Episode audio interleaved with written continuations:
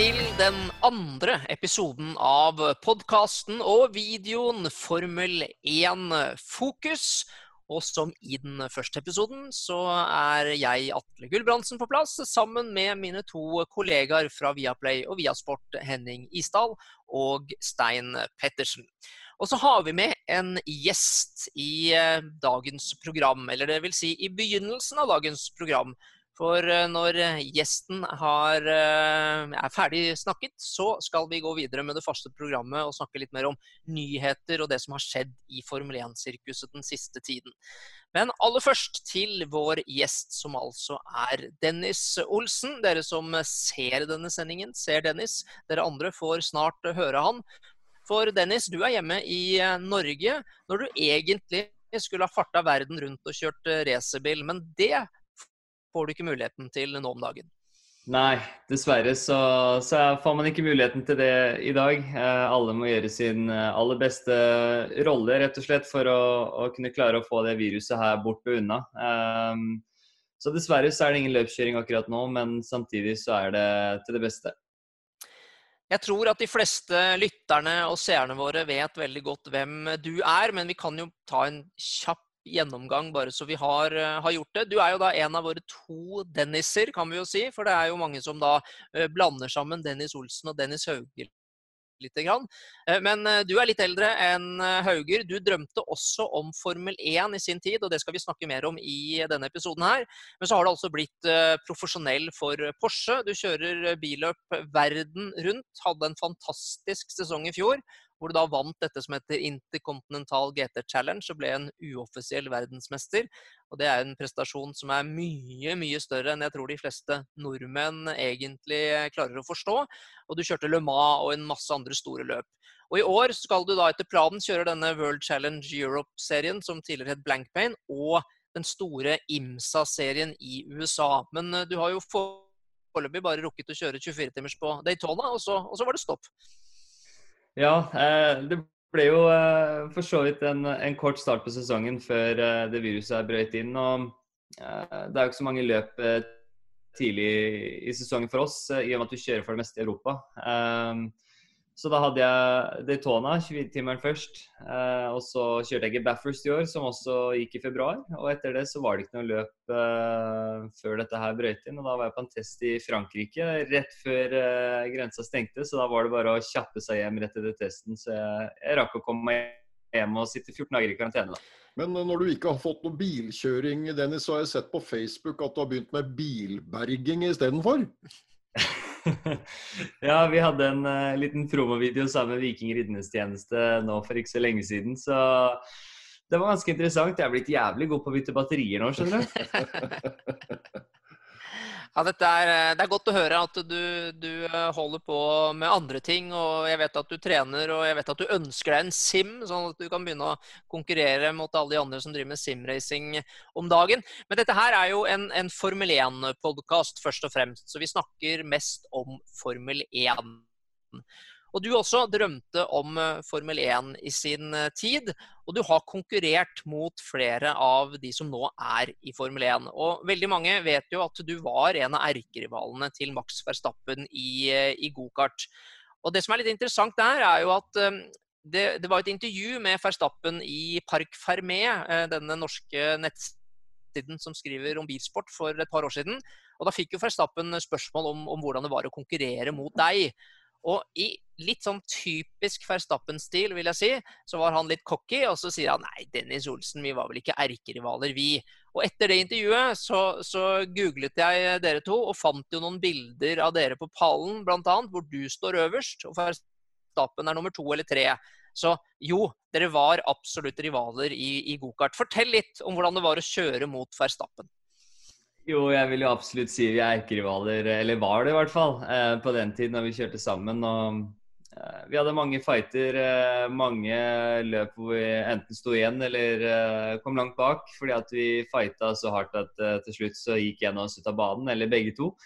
Um, så absolutt, han har vært kanskje min absolutt sterkeste rival.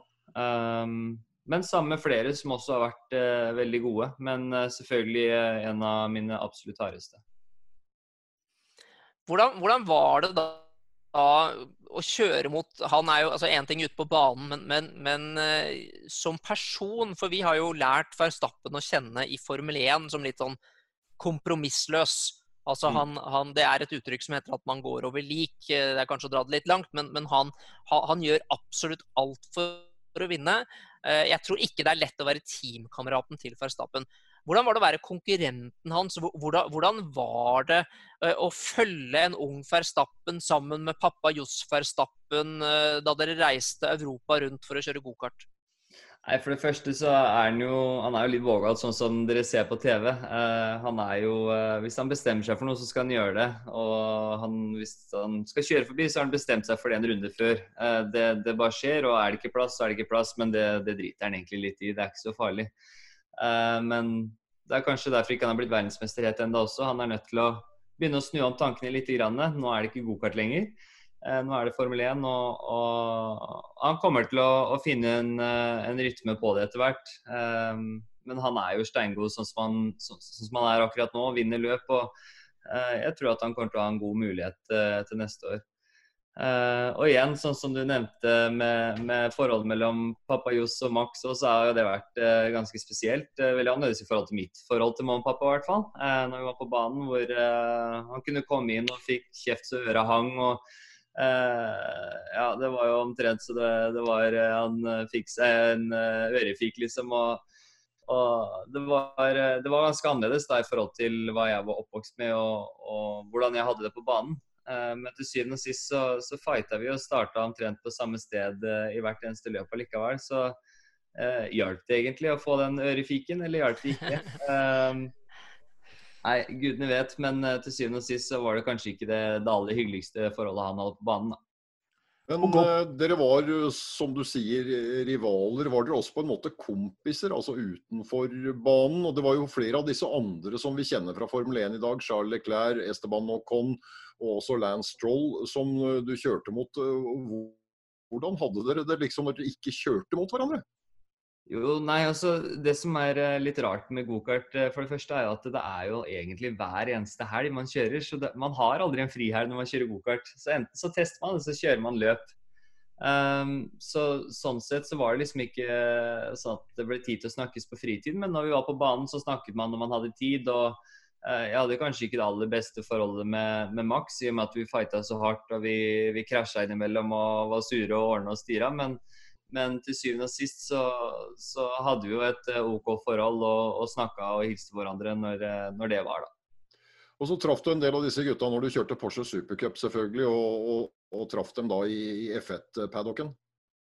Ja, eh, vi går jo trackwalk eh, som vanlig før helga starter på torsdagen. og Da går jo de også trackwalk og forbereder seg til treningsdagen. Eh, så da har vi hilst på dem eh, innimellom.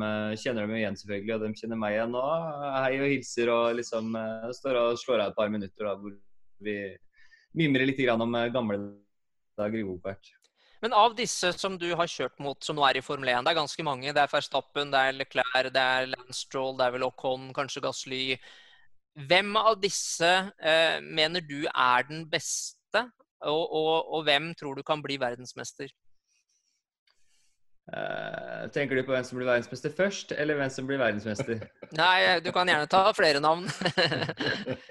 Nei, jeg tror i hvert fall eh, både Max og Charles eh, kommer til å ha en god sjanse til å bli verdensmester i Formel 1. Um, ehm, for å være helt ærlig så tror jeg Charles kan få det til tidligere. I og med at han jeg, jeg, har en feeling på at han klarer å, å holde seg litt mer i skinnet. Uh, og gjøre litt mindre feil, så klare å samle litt mer poeng. Men igjen da, så er bilen kanskje ikke helt der ennå. Ehm, de er jo i toppen, men kanskje ikke helt der oppe hos Mercedes. Ehm, men det blir spennende å se. Begge to er veldig gode førere. Og Con er også en god fører, men eh, ja, kan også gjøre litt spesielle ting, som man så med Perez for et par år siden.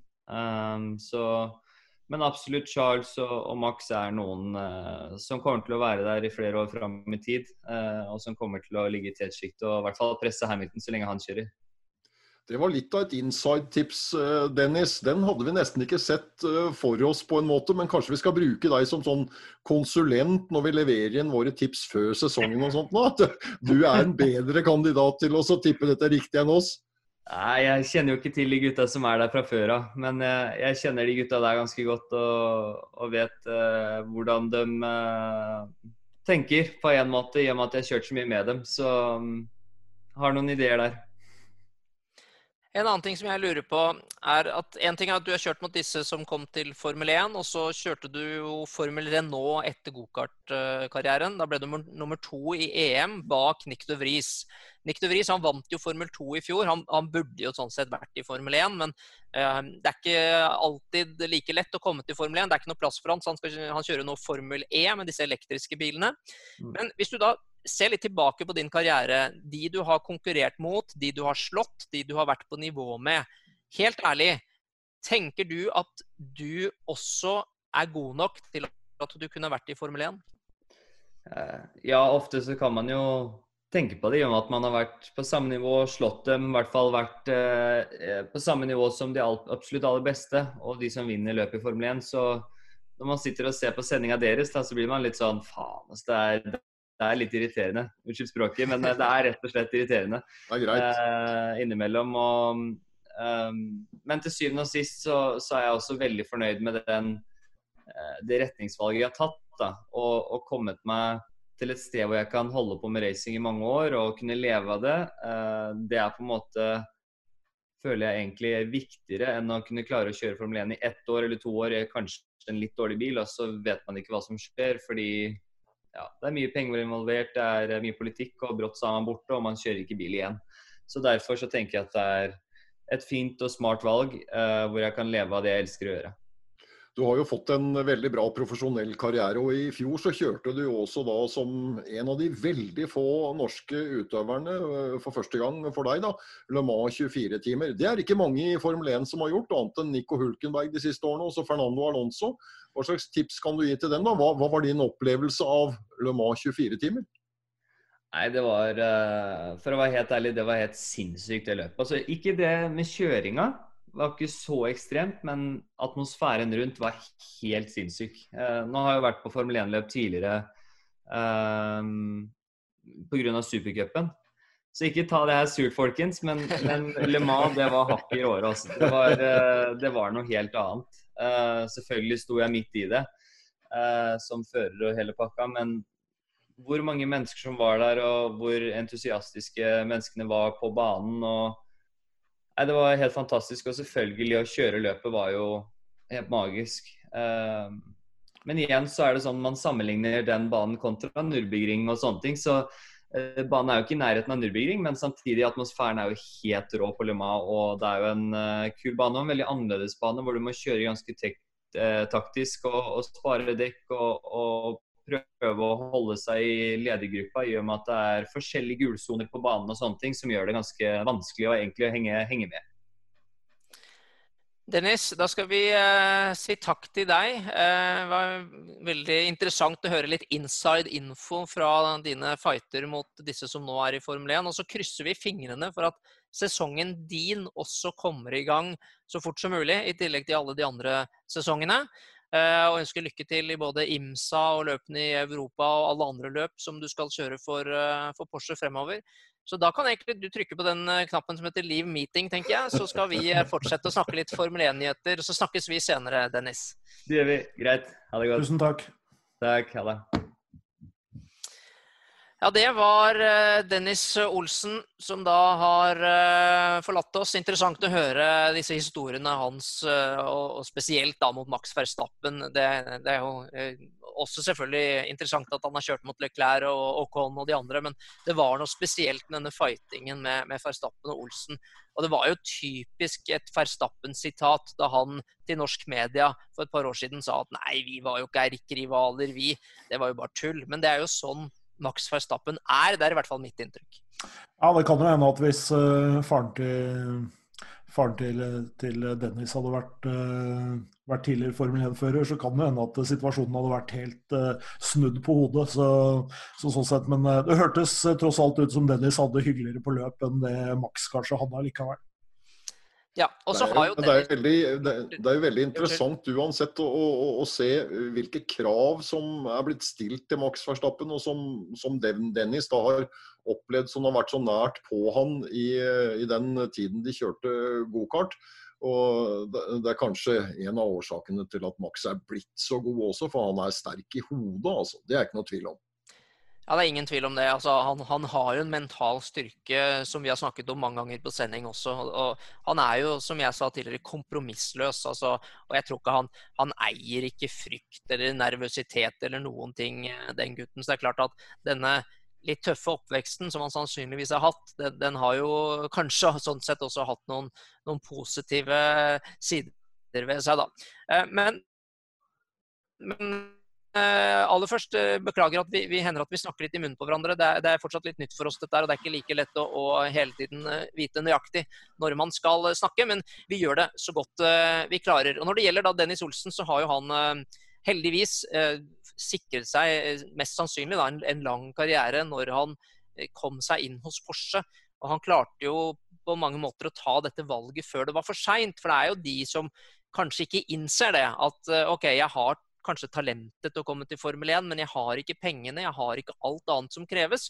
Men så innser de ikke det, og så fortsetter de og fortsetter de, og så brenner de alt av krutt og penger, og så plutselig så er karrieren over. Heldigvis så innså jo Dennis Olsen dette tidsnok, og han klarte å komme seg inn hos Porsche. og Der kan han jo være i 20 år og kjøre de, ja, Le Mans og mange av de største løpene i verden. Så jeg tror vel egentlig ikke han er noe særlig bitter for å ha gått glipp av denne Formel 1-sjansen. Og så får vi som kommenterer Formel 1, bare krysser fingrene for denne andre Dennisen, nemlig Dennis Hauger, som, som foreløpig ligger veldig bra an. Men nå skal vi gå litt videre i programmet og, og snakke om Formel 1-nyheter. For uh, det er altså én uke siden den forrige podkasten vår, og det skjer stadig nye ting. Og Stein, du kan jo oppdatere oss uh, litt om siste nytt, bl.a. at Canadas Grand Prix også er utsatt. Ja, det har jo egentlig ligget i kortene en stund, ettersom Canada eh, jo også var eh, veldig tydelig på at eh, det var helt uaktuelt for dem å sende deltakere til OL. Dette var jo før OL var avlyst. Og det er klart, eh, Området rundt Montreal er det området som er hardest rammet av eh, korona i Canada. og Det gjør dette her også vanskelig. Og så, så, begynte vi å se at det var en del andre arrangementer i Montreal, en jazzfestival, litt andre ting som ble avlyst. Så det var ikke noe stor overraskelse da når det ble bekrefta. Og så er det vel kanskje sånn at uh, Frankrike, som da er den neste runden, vi vet jo ikke det, vi har jo ikke fått noe offisielt om det. Men uh, det ligger vel uh, særdeles tynt an også for Frankrike siste helgen i juni, med de tallene som vi nå hører på smitte og, og det som skjer i Frankrike akkurat for øyeblikket. Ja, det er flere løp nå som, som henger i en tynn tråd. Jeg tror vi må være så ærlige, selv om det er litt vondt å, å sitte og mm. prate om det, så er det nok også så er det nok også sånn at eh, Storbritannia også eh, ser, eh, ser vanskelig ut da, med den situasjonen som, som er der. Men vi får se. Kanskje, kanskje, man finner andre løsninger. Kanskje det blir å kjøre uten publikum uh, osv. Men jeg tror vi bare må forberede oss på at det er mye som blir annerledes de neste månedene, både her i Norge og ellers.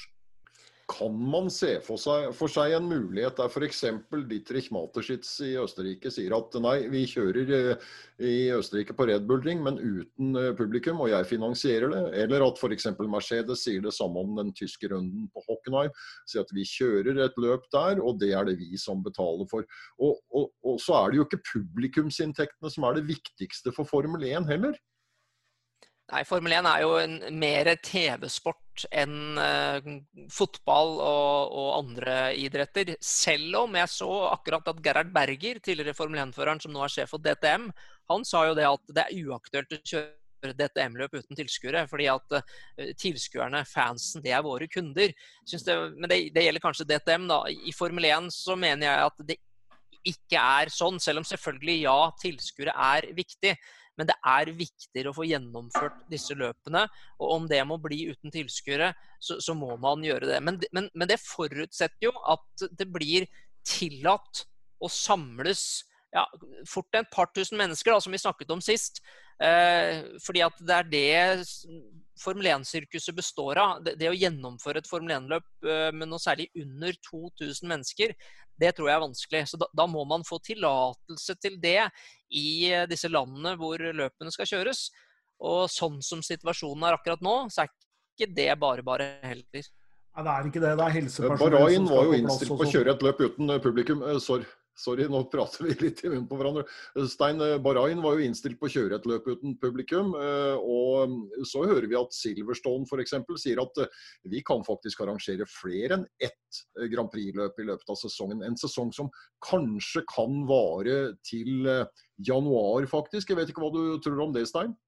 Jo, jeg tror nok at det er en mulighet. Det er klart at uh, Silverstone har jo den fordelen at uh, det ligger ganske nærme mange av teamene sin uh, hovedbase. Noe som kan være med på å dra ned kostnadene og gjøre det enklere for dem å, å kjøre der. Så det er nok en, en ting som taler for en, en, bane som Silverstone. Samtidig så er det nok sånn at når man ser hva slags type smittevernregler som skal innføres med, med avstand eh, mellom, eh, mellom, folk og sånn, så er det sånn at det er bare å se for seg inne i et depot, eller, eh, eller hvis noe skal skje, en ulykke, hva som helst, så, så er dette her uhyre komplisert. Så jeg, ja, jeg tror vi bare må, må, vente og se. Det blir bare spekulasjoner fra vår side nå en god stund framover enda, tror jeg. Når det gjelder Silverstone, så har man jo også sagt at man kanskje kunne kjøre, kjøre andre veien på den banen. Øh, og kjøre sånn sett to løp, men i hver sin retning. Så det, det er jo også en, øh, en, interessant øh, tanke. Men nå fikk vi jo i, vite da i, i, Norge i går at det, det, blir ingen idrettsarrangement i Norge før tidligst 15.6. Så får man jo håpe at vi kan komme i gang. og dette vil jo gjelde mange andre land også. Nå, nå leste jeg nettopp en sånn smittevernsekspert som sa at eh, hun, hun, trodde ikke at det gikk an å ha arrangementer med flere enn eller grupper med flere enn fem personer før man hadde hatt én måned helt uten nye smittetilfeller. Mm. Uh, og når jeg leser sånne ting, så Jeg har prøvd å være positiv hele veien, men, men da blir jeg litt sånn Oi, blir det noen Formel 1-løp i 2020 i det hele tatt? Eh, jeg må innrømme at den tanken slår meg. Jeg vet ikke hva du tenker, Henning? Ja, det, men La oss ikke være så dystopiske. Jeg er ikke, kanskje ikke så pessimist som deg, men la oss gå litt tilbake til det du nevnte om Silverstone og Eh, å, kjøre motsatt vei. For det syns jeg faktisk var et veldig artig tema den siste uka som dukket opp. Og Autosport uh, med en kar som heter Kauliniskas, jeg antar at han er fra Litauen, han har uh, satt seg ned og, og, sett på alle mulighetene gjennom en Formel 1-sesong. Og det er faktisk ganske artig lesning. Og Landon Norris han eh, hadde jo sett litt nærmere på dette her og mente at eh, Silverstone var faktisk en av de få banene det gikk å kjøre motsatt kjøreretning. Men det ville bli veldig tricky med Maggots og Beckett. Jeg vet ikke om dere har sett litt på det, Stein? Jo, jeg så, jeg så på det. Nå er jo ikke jeg, noe, jeg er jo ikke jeg racerfører, men jeg innser jo at det er et par av de svingene som, eh, som kommer til å bli relativt krevende. Det skulle vært ganske morsomme løp, og så hadde vi kanskje fått en litt sånn annen eh, hva skal vi si, en, en, eh, en annen dynamikk da, i et løp som går på den banen med, med, med, med med kjørt en annen vei. Men ja, vi får se. Jeg, jeg tror, eh, tror, som Atle at eh, her må vi bare, må vi bare henge litt på og vente og se hvor, eh, hvor vi ender igjen når vi er godt ute i juli. tror jeg Da har vi nok litt flere svar. Men det var forbausende få baner ifølge den artikkelen som tok for seg alle som faktisk kunne egne seg. Paul Ricard var vel den eneste som fikk grønt lys sånn i utgangspunktet. Og så var det kanskje Silverstone. Det lot seg gjøre med noen uh, små endringer. Og muligens også Suzuka. Uh, og bortsett fra det, så var det no, this is not on. ja, og utfordringen er jo ikke bare altså En ting er at det går an å kjøre andre veien, og at det funker sånn kjøremessig, men utfordringen er jo eh, avkjøringssoner. Altså som er bygget for at man skal kjøre i en viss retning, og, og dekkbarrierer og sånne ting. og Det kan bli ganske dyre investeringer som baneeiere da må gjøre for at man skal kunne kjøre begge veier på, på en racerbane. Det finnes jo noen baner som er bygget for det. Eh, denne gokartbanen oppe i Kongsberg er jo blant annet det. Og de kjører jo, har jo et sånt løp som heter Toveisen, hvor de kjører i begge retninger. Så, så noen baner er, er, bygget for akkurat det. Men tenk deg, å komme, tenk deg å komme ned og rouge etter å ha, ha full fart ned Kemmel, ned og rouge, og så inn i La Source liksom, for å, for å snu rundt. Da tror jeg det er flere enn Max Verstappen som hadde kommet til å overkjørt litt. altså. Eh, så også det at det var en, en kommentar der om eh, Baku. At eh, det, det, kunne nok la seg gjøre, men man måtte flytte på noen store bygninger som står i veien.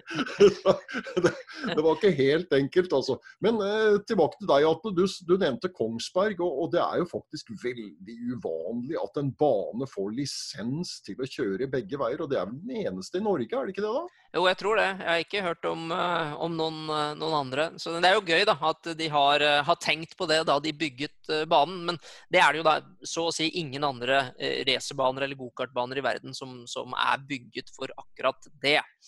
Og det å kjøre ned og rouge, det hadde vært kult. Man gjorde jo det delvis i den VM-runden i rallycross i fjor, da, men det var jo ikke helt sammenlignbart når man både kjørte opp og ned. Og rouge. Når det gjelder rallycross og alt annet, så er jo det også nå utsatt utsatt. Den norske VM-runden eh, Eh, på Lånke f.eks. rammes jo av dette nye forbudet, eller den forlengelsen av forbud da, med, med, idrettsarrangement i Norge. Eh, men vi skal, eh, skal, gå videre. Det kommer jo noen nyheter også om dette med økonomi. Nå vet vi at både McLaren og Williams har begynt å permittere ansatte. Zac Brown, teamsjefen i McLaren, han sier at eh, hvis dette her fortsetter, så kan Formel 1 risikere å miste hele fire team. Mm. Og noen etterlyser mer initiativ fra Liberty Media. Eh, Dorna, som eh, står bak MotoGP, de kommer nå med noen redningspakker, krisepakker til teamene. Og noen mener at det bør Liberty også gjøre i Formel 1. Hva, hva tenker du om det, Stein? Og jeg tror nok at uh, de som sitter på rettighetene her, er jo helt nødt til å prøve å forvalte de på best mulig måte. Om det er med direkte innsprøytning av penger, eller om det er å hva skal vi si uh, gi ulike former for, uh, for forskudd, eller, eller, øke kanskje inntektene senere. Det er, litt, er nok litt usikkert. Og det er nok ganske stor Eh, forskjell også på, på, de forskjellige teamene. For det har jo også noe med hvor, eh, hvor, fabrikker og sånn ligger, i forhold til hva slags eh, tiltak myndighetene har for å, lønne, for å bidra til å lønne disse, disse førerne. Og, de ansatte, først og fremst, da ikke førerne. For det jeg skulle si var at Førerne har jo allerede veldig mange gått ned i lønn for å, å hjelpe teamene. Og det er klart at for førere som tjener kanskje ja, flere hundre millioner, så er det klart at uh, det gjør jo en, uh, en viss effekt, da, kontra at en uh, arbeider går ned til, til halv lønn. Så jeg føler vel at det er mange her som prøver å ta et ansvar. Jeg, jeg syns det er litt rart å se, eller avvente litt, liksom Chase Carey og Liberty Media som, som stadig snakker om at det er mulig å gjennomføre en sesong med, med 15-18 løp. og så kom det jo en, eh, en, en sak her eh, bare i, i, i, går, var det vel, med Fredrik Vassør i Alfa Romeo som sa det at det er greit at man har den ambisjonen. og Man skal være klar over det at hvis man tenker å gjennomføre 18 løp på seks måneder, eh, istedenfor 22 løp på, på, på, på 12 måneder, så er det faktisk altså dyrere og, og, større kostnader involvert for teamene, som får en veldig presset eh, sesong. Så det virker jo på meg som om den ambisjonen til, eh, til Liberty Media, eh, den er eh, helt ute å kjøre, altså.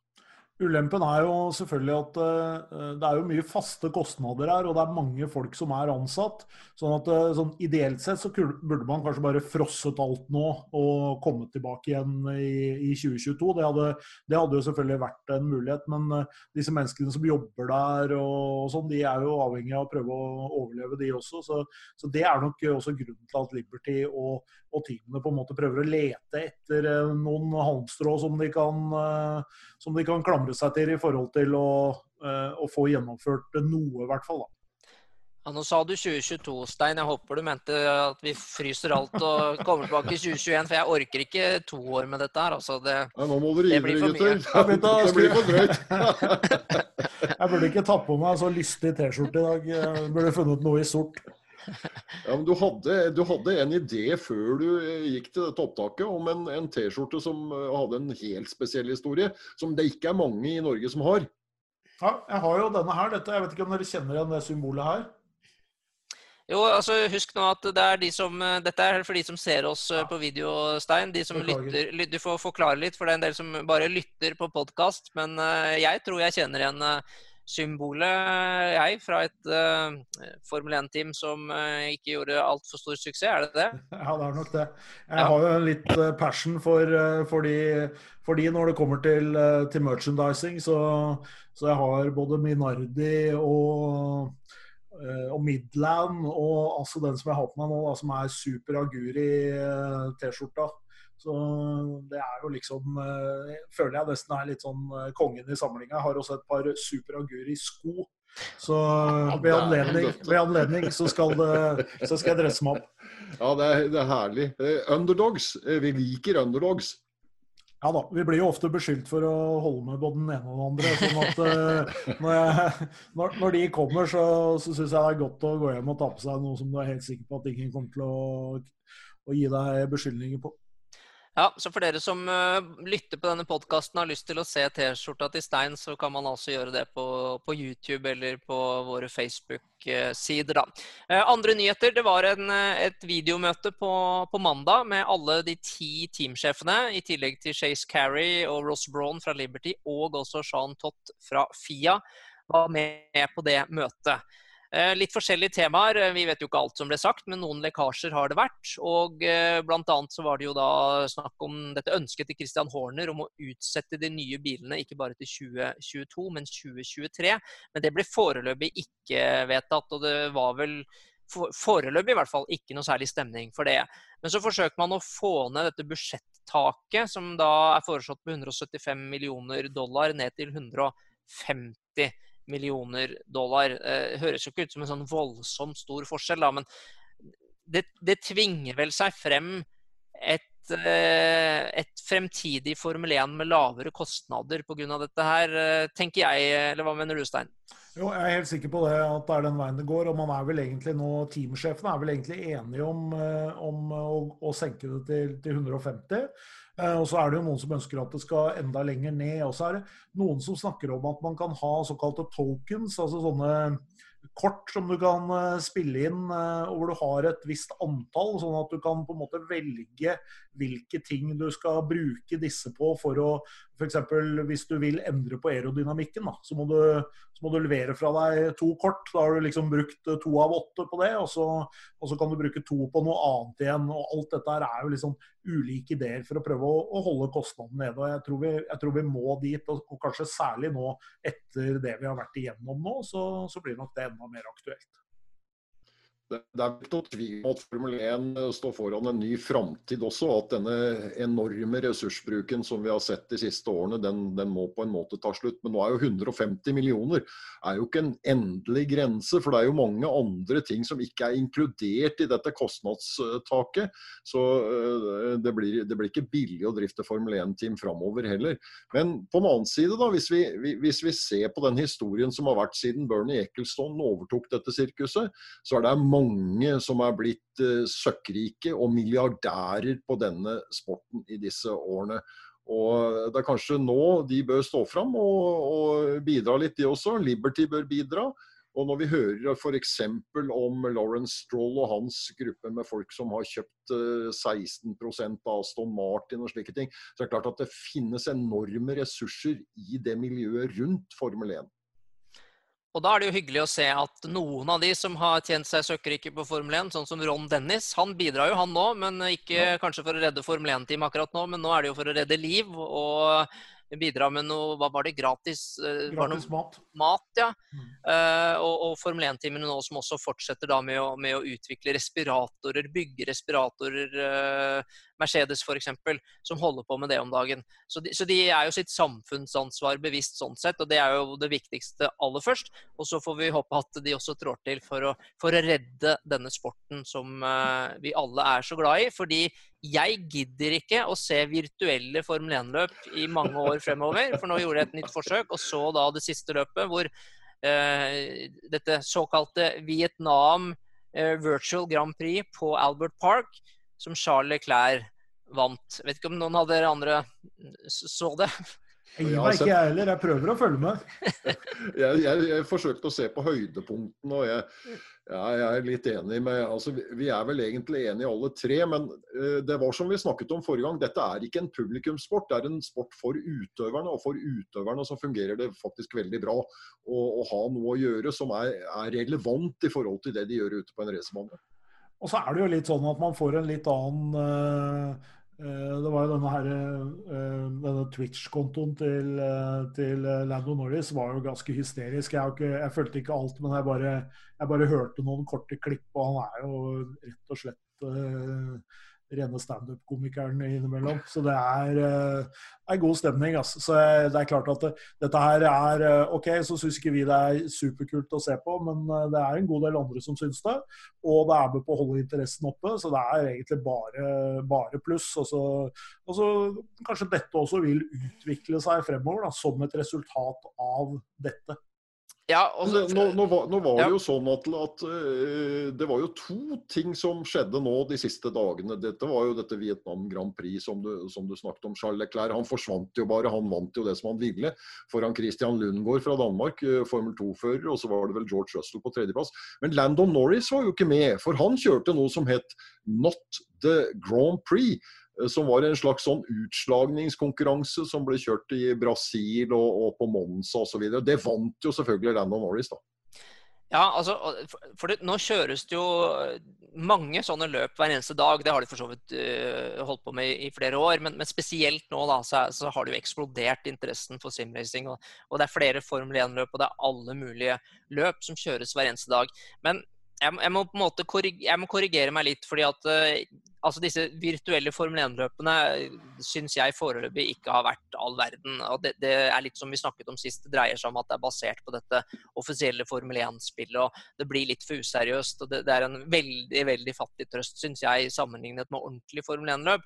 Men jeg har jo sett en del av disse andre løpene, spesielt de som er da på iRacing, som er denne proffeste plattformen. Og jeg syns det faktisk er ganske bra. Uh, og igjen, det var jo et løp i denne norske simracing Grand Prix her, og, og produksjonene er bra. Uh, racingen er bra, nivået er bra. Uh, det ser egentlig ganske ekte ut også. Og så tror jeg at det som skjer nå, det, det, og det gjelder hele samfunnet, ikke bare motorsport, men det er en game changer.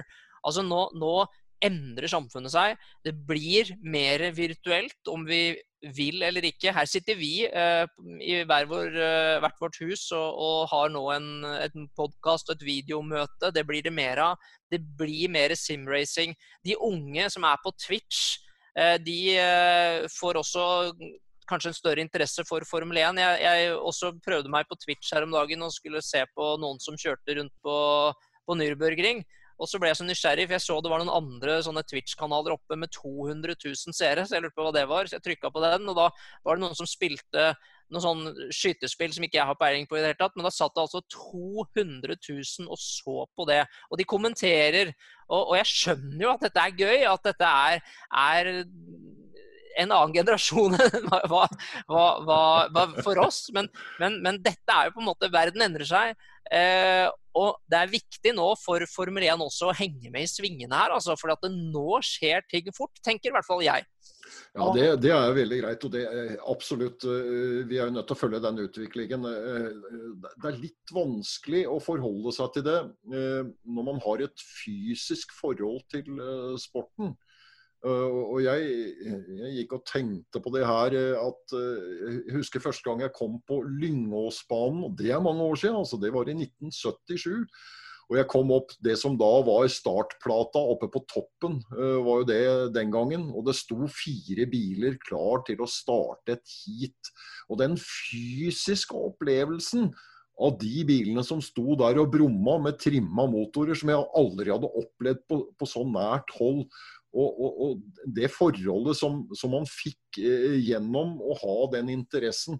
Og så ser du på eh, virtuell Grand Prix-racing eller Formel 1-racing. og så uh, ja, jeg, jeg, vet ikke jeg, Stein, men uh, jeg, jeg, klarer ikke å få fot for det, altså.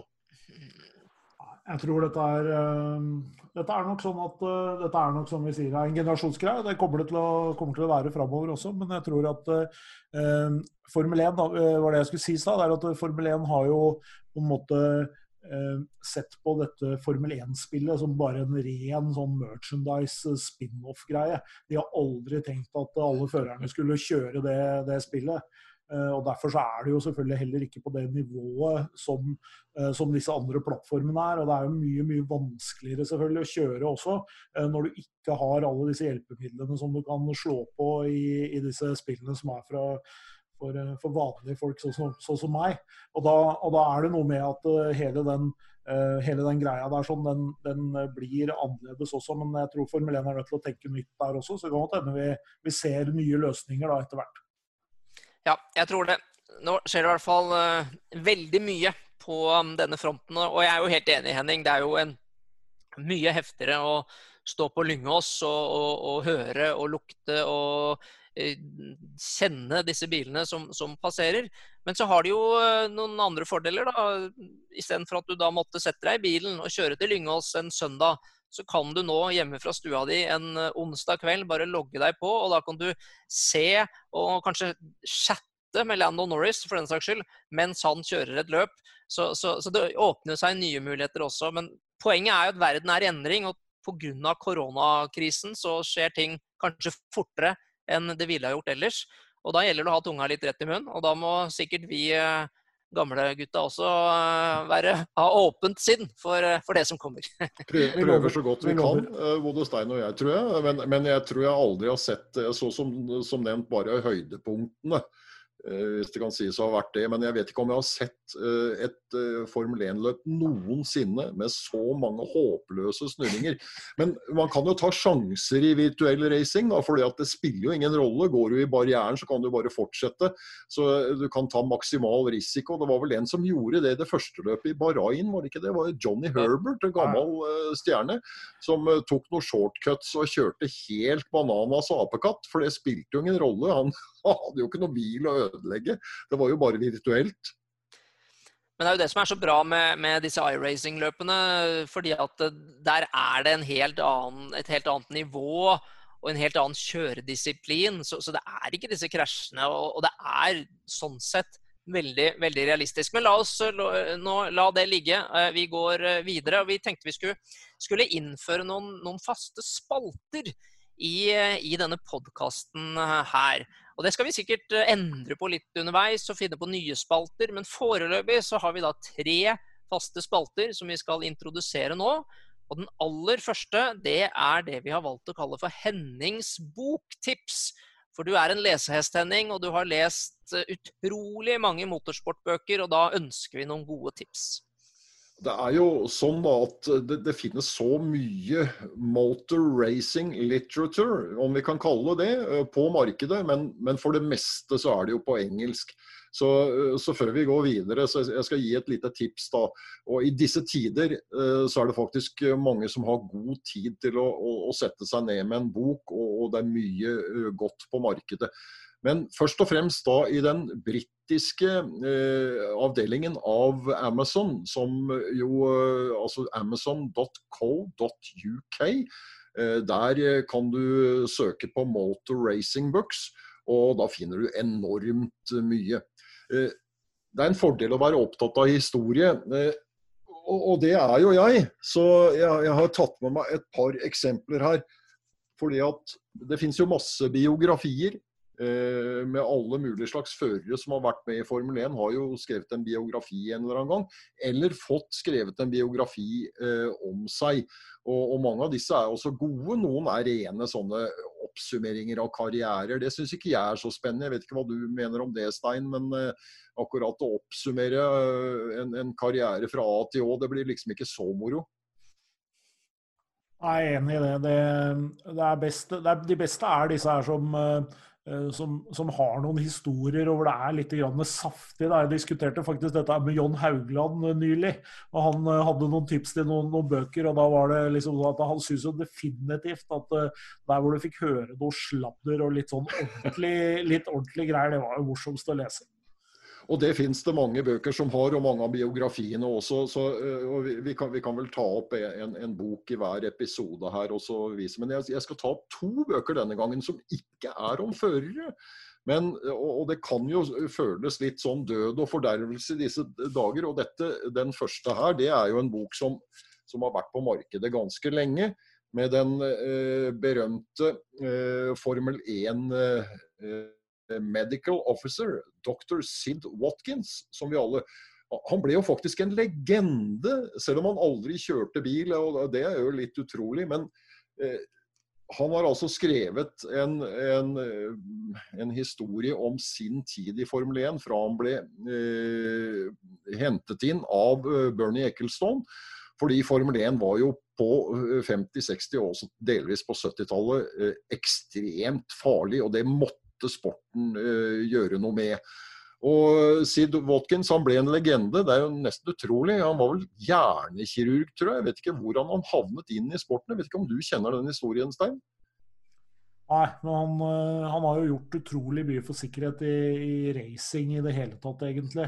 Så, så, han har jo vært utrolig viktig for at uh, skade- og dødsfallene i racing har, har gått ned betydelig da, de siste 20 åra.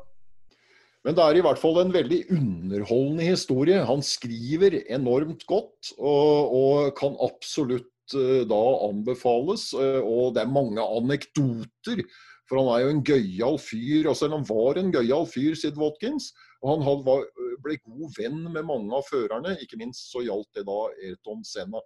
Selvfølgelig så er jo denne mørke helgen på Imola i 1994 omtalt, uh, hvor det var uh, dr. Sid Watkins som vel også da erklærte Ayrton Senna død. Men så er jo ikke bare i Formel 1 at det har vært mye ulykker og, og ting som har skjedd. Uh, for også Indikar har hatt en medical officer, og han heter dr. Stephen Alway.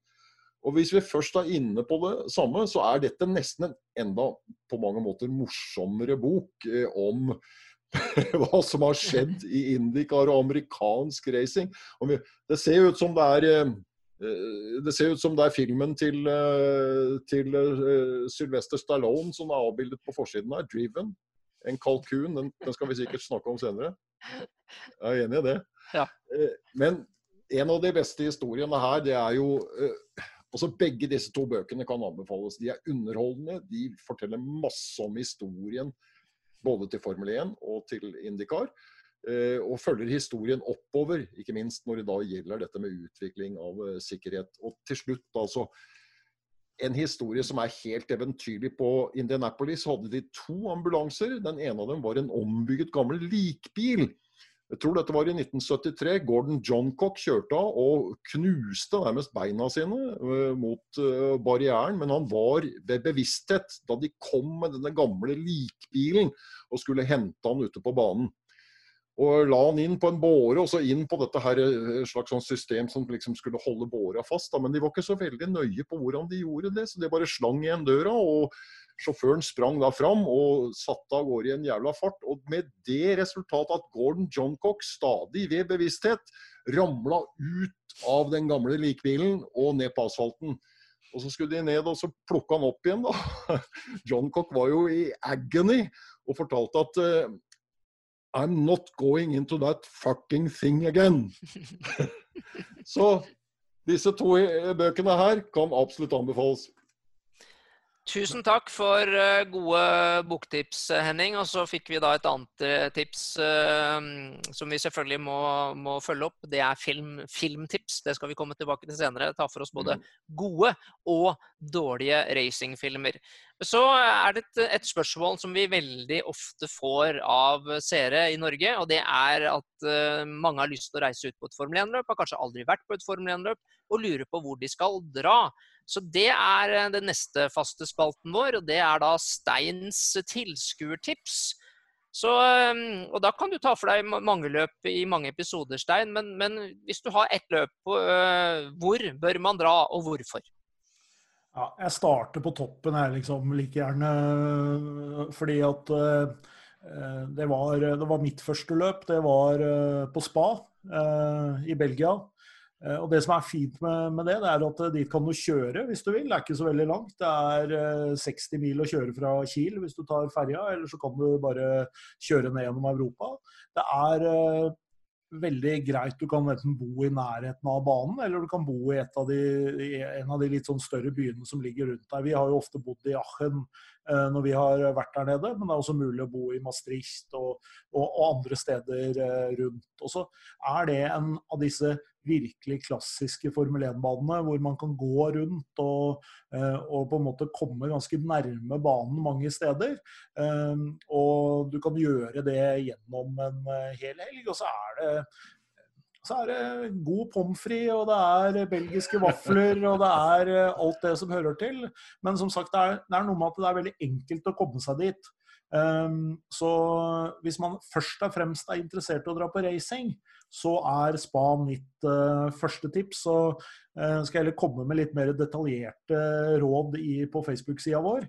Uh, men jeg starter der, og så skal vi definitivt komme til flere andre gode baner framover. Stein, vi var jo der i fjor, og så oppsøkte vi deler av den gamle banen. Og så spiste vi selvfølgelig pommes frites med masse majones på. Ja, det er jo et eh, fantastisk Det er jo som å gå rundt på et, eh, på et, museum. Eh, jeg tror jeg har vært der 18 eller 19 ganger, og det er sånn at man opplever og oppdager stadig, stadig noe nytt. Da. Og så er det kult fordi man kan krysse banen inni banen. Man kan gå en tunnel som går langs denne elven som har gitt navnet til Rouge, og så kan man krysse over og komme på baksiden og gå ned til Stavelot. Og så, og så er det sånn nå at i Belgia i gamle dager så var det litt sånn trist på løpet der, for det var liksom to boder og så én bod som solgte noe merchandise. Men etter at Liberty tok over, så har jo disse løpene blitt de reneste festivaler. Det var konserter, og det var uh, alle mulige slags matretter også i tillegg. Og selvfølgelig uendelige mengder med, med belgisk øl. Så det er, uh, det er absolutt et, et fint sted å reise til. Veldig bra, Stein. Da gleder vi oss til flere tips eh, for hvor man kan være tilskuer i senere episoder. Og så skal vi ta den tredje spalten, som blir min spalte. Det er da det vi har kalt Atles banetips. Og det er jo da ikke fra en, en tilskuerståsted, eh, egentlig, men, men mer fra en sjåfør. Og hvor er det, altså Hvilken bane er den morsomste å kjøre på? Eller hvilke baner er de morsomste? Uh, og jeg har jo denne sære hobbyen at jeg samler på racerbaner og prøver å kjøre på så mange racerbaner i verden som, som, mulig. Ikke virtuelt, eh, men i virkeligheten. Uh, og jeg gjør som deg, Stein. Jeg starter på toppen. Fordi det er jo de som påstår at spa f.eks. er verdens uh, råeste racerbane. Eh, og det er noen andre alternativer også. Men alle som sier noe annet enn Nürburgring Nordschleife, de vet ikke hva de snakker om. De har aldri vært der. For alle som har kjørt på Nürburgring Nordschleife, vet at det er verdens desidert råeste, morsomste, lengste og sikkert også farligste racerbane. Vi hørte jo Dennis Olsen tidligere i eh, episoden sa jo at det var utrolig gøy å kjøre på Le Mans, men banen er jo ikke i nærheten av Nürburgring, som han sa. Så jeg starter også på toppen med disse over 20 km som ligger i Eiffelfjellene Eifelfjellene i eh, Tyskland. Ikke langt fra Spa for øvrig, rett over grensen mellom da Belgia og Tyskland eh, der. Og der har jeg selv kjørt snart 100 løp og mange, eller godt over 1000 runder. og det er altså en bane som det ikke finnes maken av i hele verden. Det kommer sannsynligvis aldri til å bli bygget en lignende bane heller. Og ettersom dette er en Formel 1-podkast, så må vi jo ta med det at det har jo vært en bane som også har vært, uh, vært viktig i Formel 1-historien bygget i 1927, eh, var med på Formel 1-kalenderen fra 1951. I 1950 så syntes ikke Formel 1 at det var riktig å kjøre i Tyskland. Det var nok litt for nære etter andre verdenskrig, men i 51 så var Tyskland med, og da var selvfølgelig Nürburgring på terminlista der.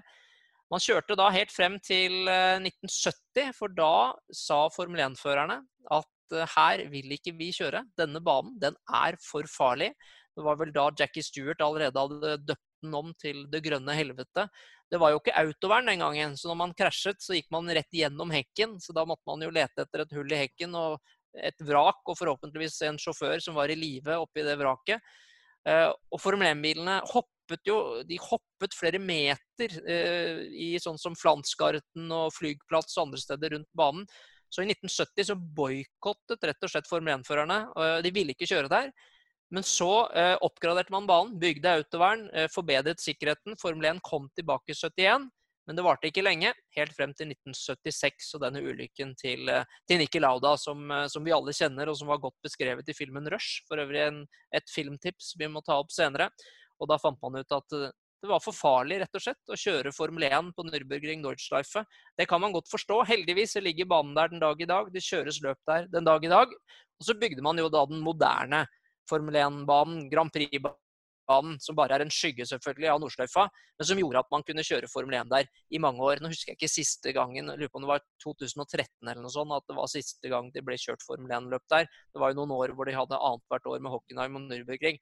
Men, men, akkurat Grand Prix-banen på Nürburgring tror jeg det ikke er mange i Formel 1 som savner. Men Nordsløyfa savner vi alle sammen. Så det var mitt første banetips. Så skal jeg komme med flere tips senere. Men eh, Atle, jeg har faktisk også i likhet med deg kjørt løp på Nürburgring eh, Nordschleife, da, men jeg ble aldri så komfortabel med Nordschleifa. Jeg har ikke 100 løp der. Jeg ble mer komfortabel med den gamle, eller med Grand Prix-banen. Ja, altså, vi, vi, reiste jo dit i, i, 1994 som de glade amatører med, med tre Honda Civicer, og, og dette trodde vi at vi hadde litt peiling på, for vi hadde jo kjørt sånn turistkjøring på banen tidligere. Vi hadde jo vært innom der flere ganger.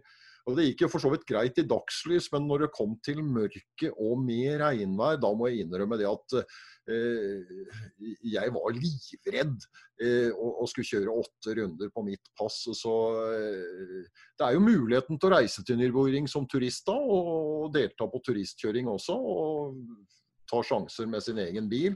Og det er det mange som gjør. Absolutt. Det er mange som gjør det, og det, det, er jo en relativt enkel inngangsbillett til å få prøve banen. Det er ganske risikabelt, denne turistkjøringa. Jeg liker ikke å være ute på banen når det er turistkjøring. Det er mange ulykker og en del dødsulykker også, faktisk. Men det aller enkleste er jo igjen da, virtuelt. Det skal faktisk kjøres et virtuelt løp på Nürburgring på lørdag med norske deltakere. Og det skal jeg kommentere, for da fikk jeg spørsmål om jeg kunne kommentere. Det blir min kommentatordebut eh, virtuelt, og det er da fra Nürburgring Nordstreife, som jeg kjenner godt. Så, så, det går det også an å få med seg på diverse Har du kompetanse til det også? jeg, skal, jeg, skal, forsøke. Jeg skal forsøke så, så godt jeg kan. Men eh, før vi nå skal, skal runde av eh, dagens episode, så skal vi også ta med noen spørsmål som vi har fått fra, fra lyttere og seere. For vi fikk eh, veldig gode tilbakemeldinger på mm, den første episoden. Det er vi veldig eh, glad for. Vi har vel hatt en rundt 1500 lyttere, som vi synes var en veldig, veldig god start. Og folk har eh, sendt oss meldinger og mailer og kommentert på Facebook og YouTube og alt mulig. Og vi har plukket ut noen spørsmål. Så skal vi avslutte med de, de spørsmålene. Og eh, Jeg kan starte med deg, da, Stein. Eh, det er en av lytterne våre som, som spør Hvis man nå må, må, plukke noen baner, da, bare noen få baner for å få gjennomført en Formel 1-sesong i 2020, hvilke baner mener du at man da bør kjøre på? Ja, Da syns jeg jo kanskje at man skal uh, lage en liten miks av uh, noen av disse klassikerne. Monza, Spa, uh, for så vidt. Um, og så hadde du jo selvfølgelig, så er det jo utrolig kult med noen av disse dette Kanskje særlig løpet i Baku, som er et, et, gateløp og hvor det er uh, ordentlig dramatisk. Og så ville jeg kutta unna noen av disse her moderne Herman Tilke-banene hvor det er uh, 300 meter avkjøringssone. fordi at jeg, tror at det blir bedre racing. da, Ikke fordi det skal være farlig, men fordi det skal være en risiko å Eh, å ta en Johnny Herbert eh, i, i første sving. Så, så, jeg holder nok en knapp på, på noen av de, de, banene der sånn som, eh, som racingbaner. Og der er det jo også sånn at disse her ligger jo sånn til at det er mulig å kjøre flere løp etter hverandre også, hvis man ønsker det.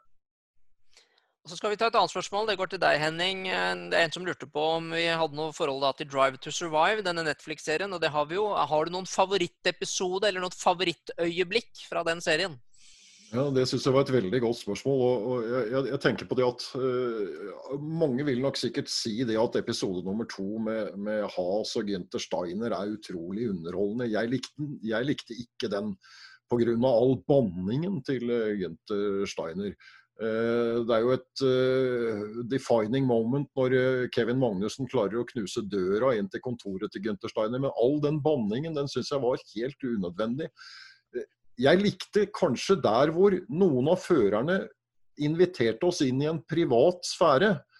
Og spesielt eh, Carlos Sainz jr., eh, som har denne familielunsjen med onkler og tanter og bestefar og Carlos Sainz senior og hele gjengen som sitter og koser seg ved matbordet, og, og, som har et normalt familieliv. For det er vanskelig å se for seg det når vi ser dem på banene. Det likte jeg spesielt godt. Og så var det én ting til. Alexander Albon og hans ærlighet i forhold til uh, moren sin i den episoden hvor han var med. Det er de to beste som jeg kommer på, i hvert fall. Veldig bra. Det var, det var to seerspørsmål, eller lytterspørsmål, som vi valgte ut denne gangen. Vi skal fortsette med det. Og, og så bare fortsett med å, å, sende inn spørsmål. Vi svarer på, på sosiale medier også, for all del. Eh, og, og, lik og del, som det heter, og spre gjerne ryktet om eh, denne podkasten, som vi altså kaller for Formel 1-fokus. Nå skal vi, skal vi, runde av. Det skal være litt sånn alvorlig mot, uh, mot slutten. For um, vi, vi, snakker mye om, om koronakrisen. Eh, den berører absolutt alle i, uh, i samfunnet. Det er, det er, det ingen som helst tvil om. Og aller verst så er det jo for, for, de som blir syke. Det er mange som blir syke, det er mange som blir skikkelig syke. Og det er også noen som dør. Og um, i disse dager så, så tenker jo vi som alle andre at helse trumfer alt. Det, det er det absolutt uh, viktigste. Og de største, største heltene i samfunnet vårt om dagen, det er jo helsearbeiderne. Som står midt i frontlinja her, og som også risikerer uh, å bli smittet. Men som jobber dag og natt for, uh, for å hjelpe, ikke bare i Norge, men, men helsearbeidere over hele verden. Og så har jo dette økonomiske konsekvenser. For noen så er det veldig veldig alvorlig. De, de, har mistet jobben, de har mistet all inntekt over natta. Står nå på bar bakke. Vi, det, vi leser om rekordhøy arbeidsledighet i, i Norge allerede. Um, men i den anledning så skal vi ta opp en, en liten ting som ikke jeg tenker, det er, lett, det er ikke så lett, å si det her, syns jeg, uh, på, på, en måte. Men, men det er jo også sånn at for oss som kommenterer Formel 1, så, så, forsvant store deler av vår inntekt også over natta.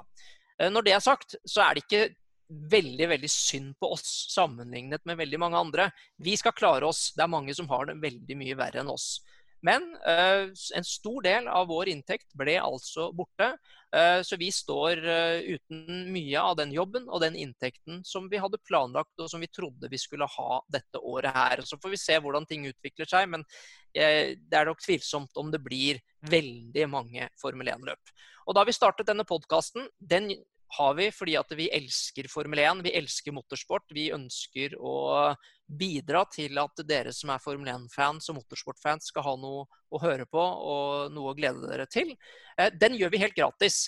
Eh, men det er noen kostnader også forbundet med dette her. Eh, vi har kjøpt litt utstyr, og vi har leid oss inn på noen plattformer og litt sånn. Så, så det er noen kostnader. Så hvis noen av dere som lytter eller som ser på, ønsker å bidra til eh, at eh, vi også kan få noe inntekter på dette her. Det er helt frivillig, og jeg understreker at eh, det er mange som har det mye verre enn oss. Men hvis noen ønsker å bidra, så har vi opprettet et, et VIPS nummer og det er altså 601692.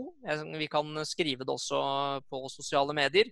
Men 601692 er altså VIPS nummeret Hvis noen ønsker å bidra litt til eh, denne podkasten her, og hvis vi får litt økonomi i det, så er det nok også en mye større sjanse for at dette er noe som vi kommer til å fortsette med på jevnlig basis i lang, lang tid. Også etter at Formel 1-sesongen forhåpentligvis kommer i gang igjen. For det krysser i hvert fall jeg fingrene for nå om dagen. Ja, det var eh, det vi hadde eh, i andre episode. Vi runder da av. Eh, gjentar igjen at vi er på Facebook, YouTube, Acast, Spotify, iTunes etter hvert. Og stort sett overalt kan dere høre oss. Og så lover vi å komme tilbake med en ny episode om ikke så altfor lenge. Ha det bra. Oh!